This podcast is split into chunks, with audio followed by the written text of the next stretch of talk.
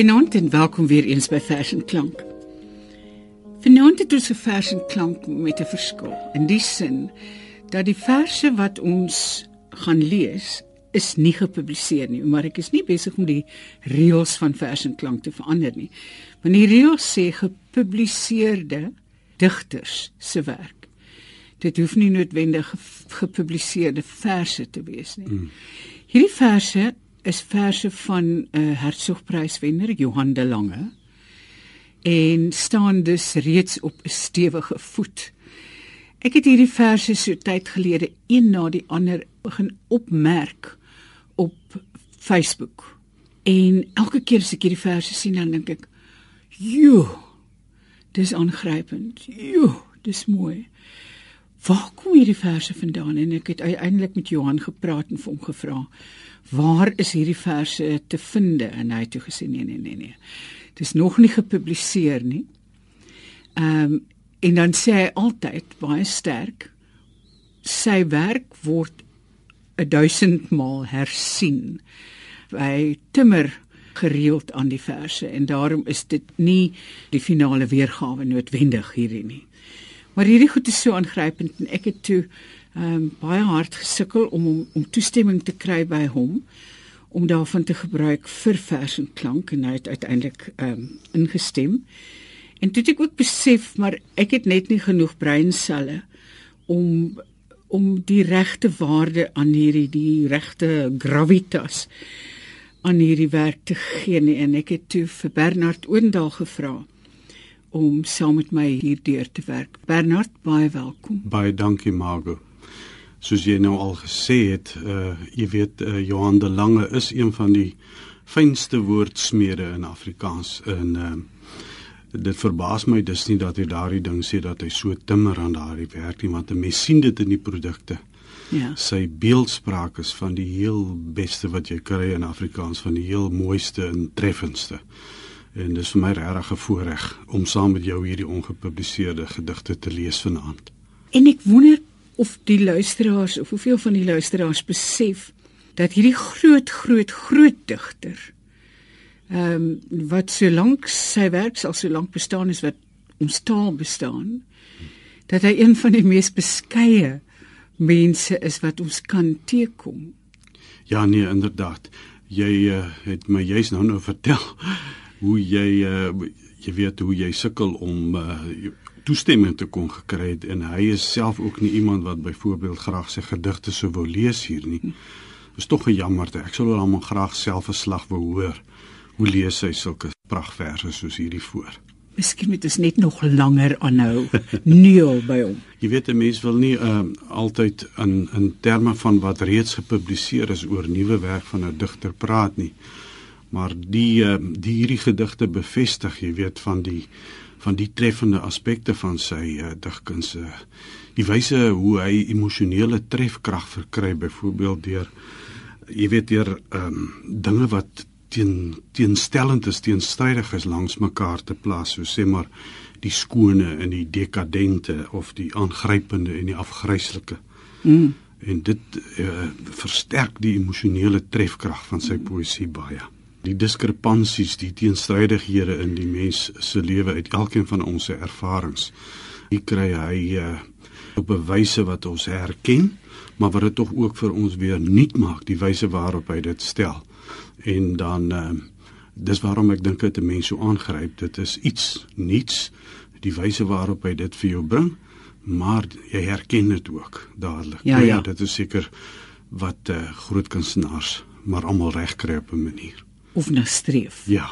As gevolg van redelike kennis van my eie um, ontoereikendheid het ek toe besluit dat ek definitief nie die verse kan kies nie en ek het vir Johan gevra dis nou te lange natuurlik om vir ons 'n uh, uh, groep verse te stuur. So hy het hierdie verse gekies. Ja. Ja, want dan mens sien dan van uh, van van die, die groot temas wat in sy hele oeuvre in voorkom, die die gedigte oor verganklikheid en oor dood. Uh en dan daarby die huldigings van afgestorwe mense, heel dikwels dan kunstenaars en skrywers. en uh, aan die ander kant satiriserings van menslike swakhede, mm. uh menslike tekortkominge en dan die allermooiste natuursienings en tekenings wat hy vir ons gee. Twee van die gedigte wat hy gekies het, is goed verteenwoordigend van daardie huldigingsgedigte. En dit gaan hier oor Henny Oukamp. En in hierdie twee gedigte onthou hy nou vir Henny Oukamp op 'n ontroerende wyse.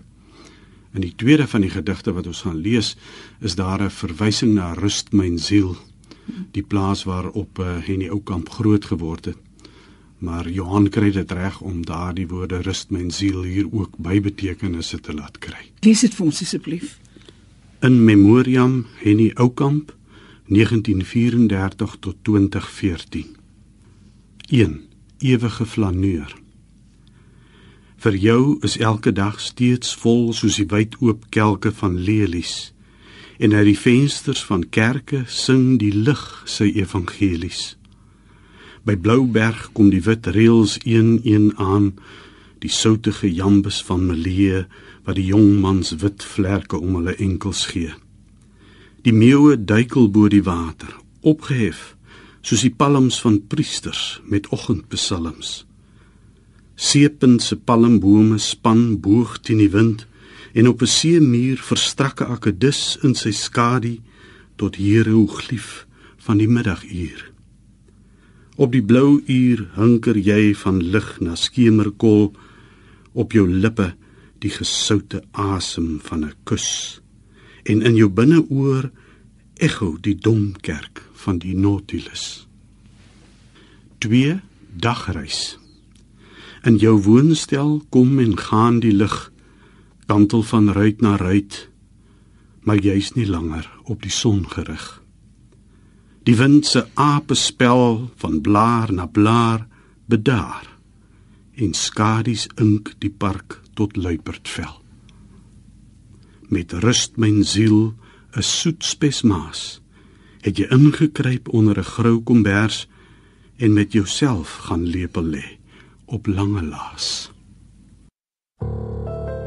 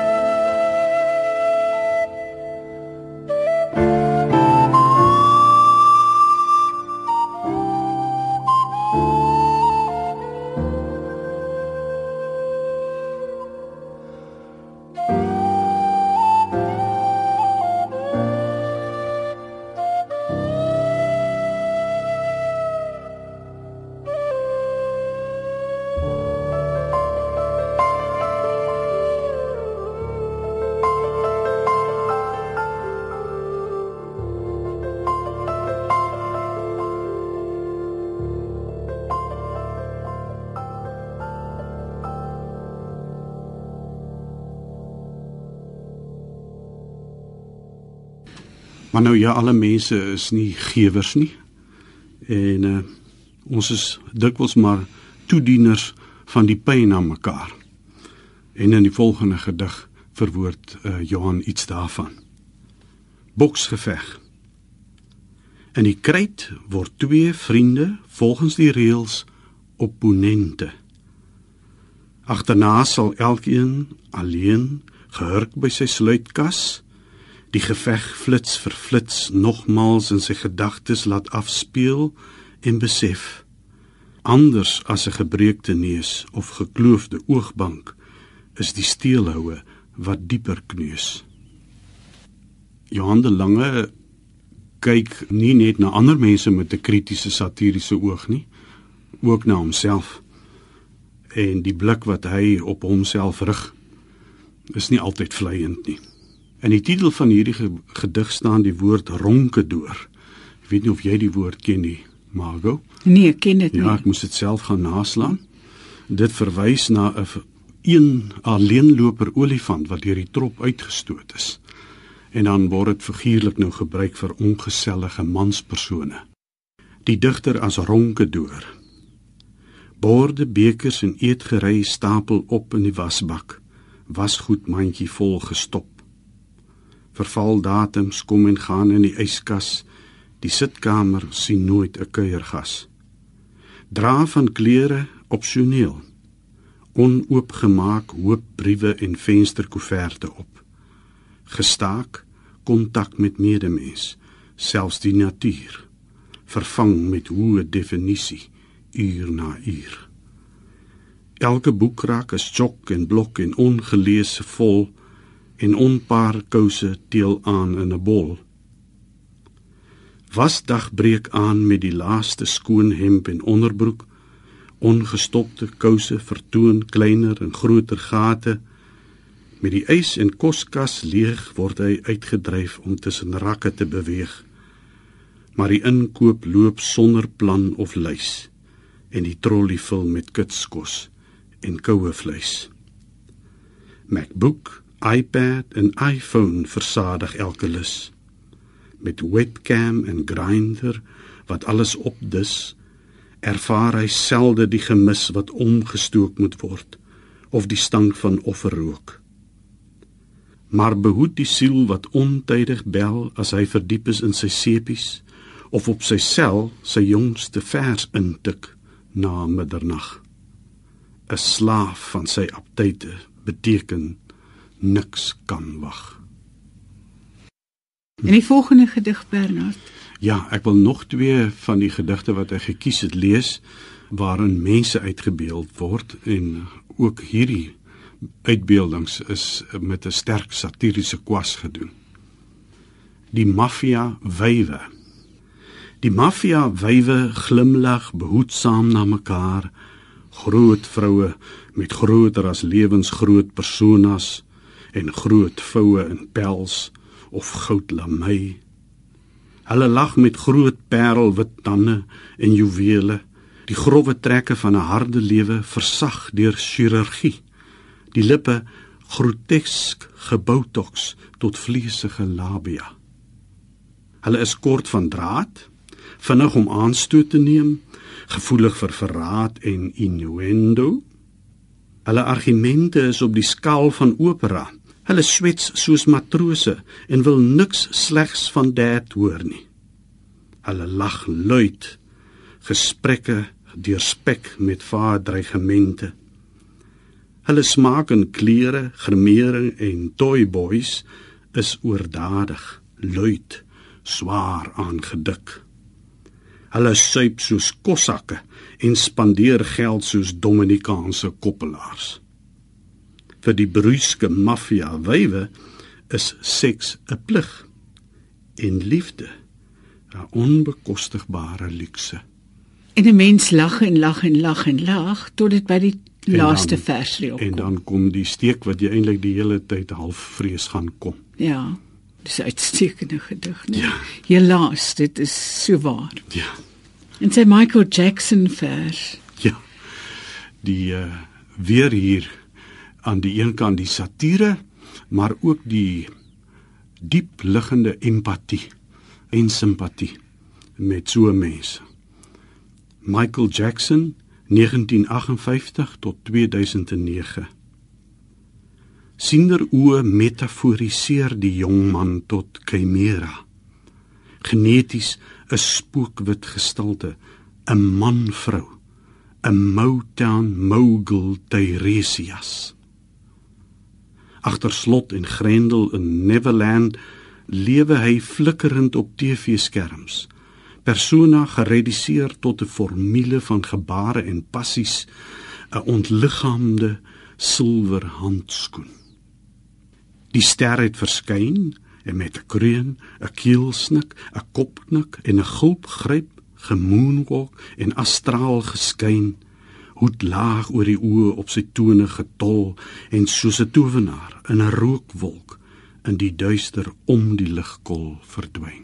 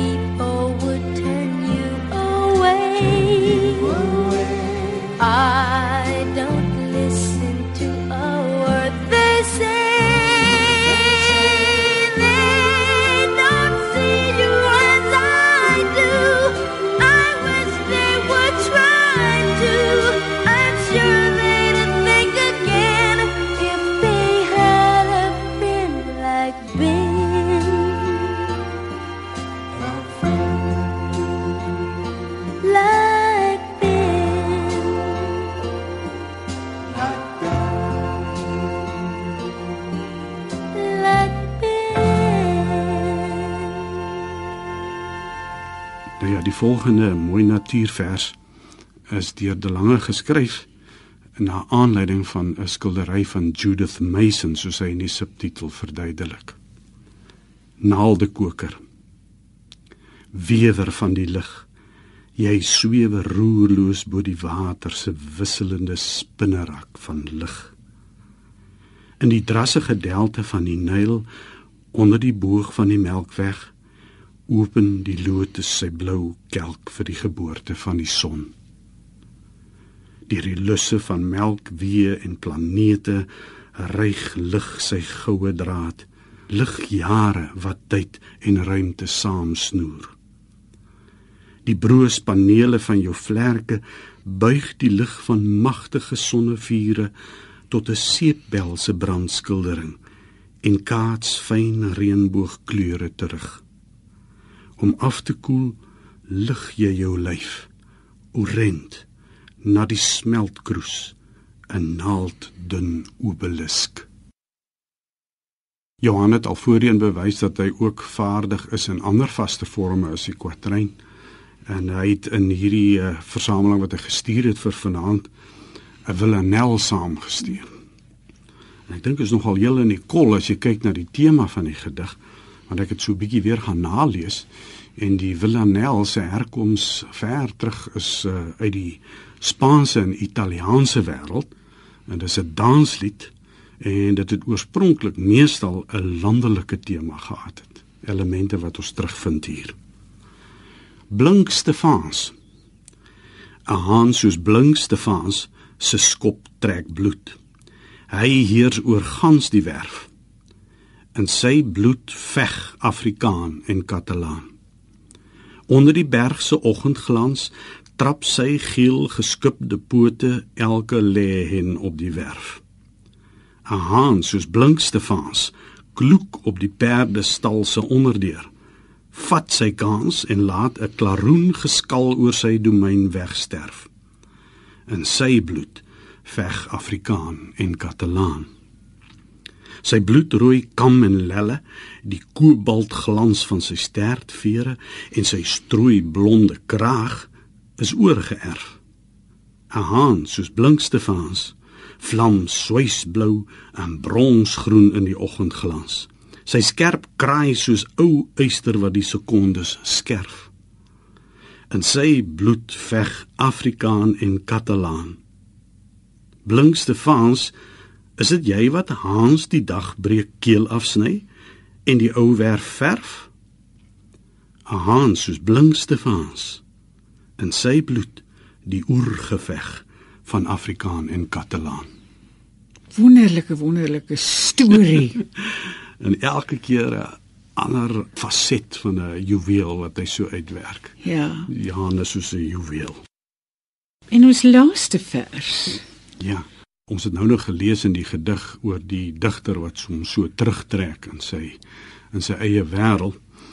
En uh, maar nou ja, die verbeelding is vry. Want selfs die binnenshuise versiering kan 'n natuurtoneel word. Blou satijn portaalvoels.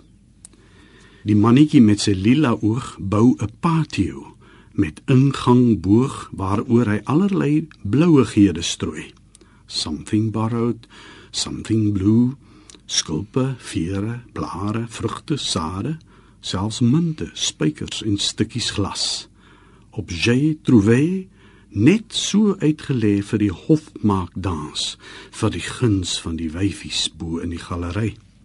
Die ingang, die nes, die gebruik van blou, niks ontgaan haar kritiese velblou oog gaan sy neerstryk neffens haar maat of skoort en hom in sy nes blou blou laat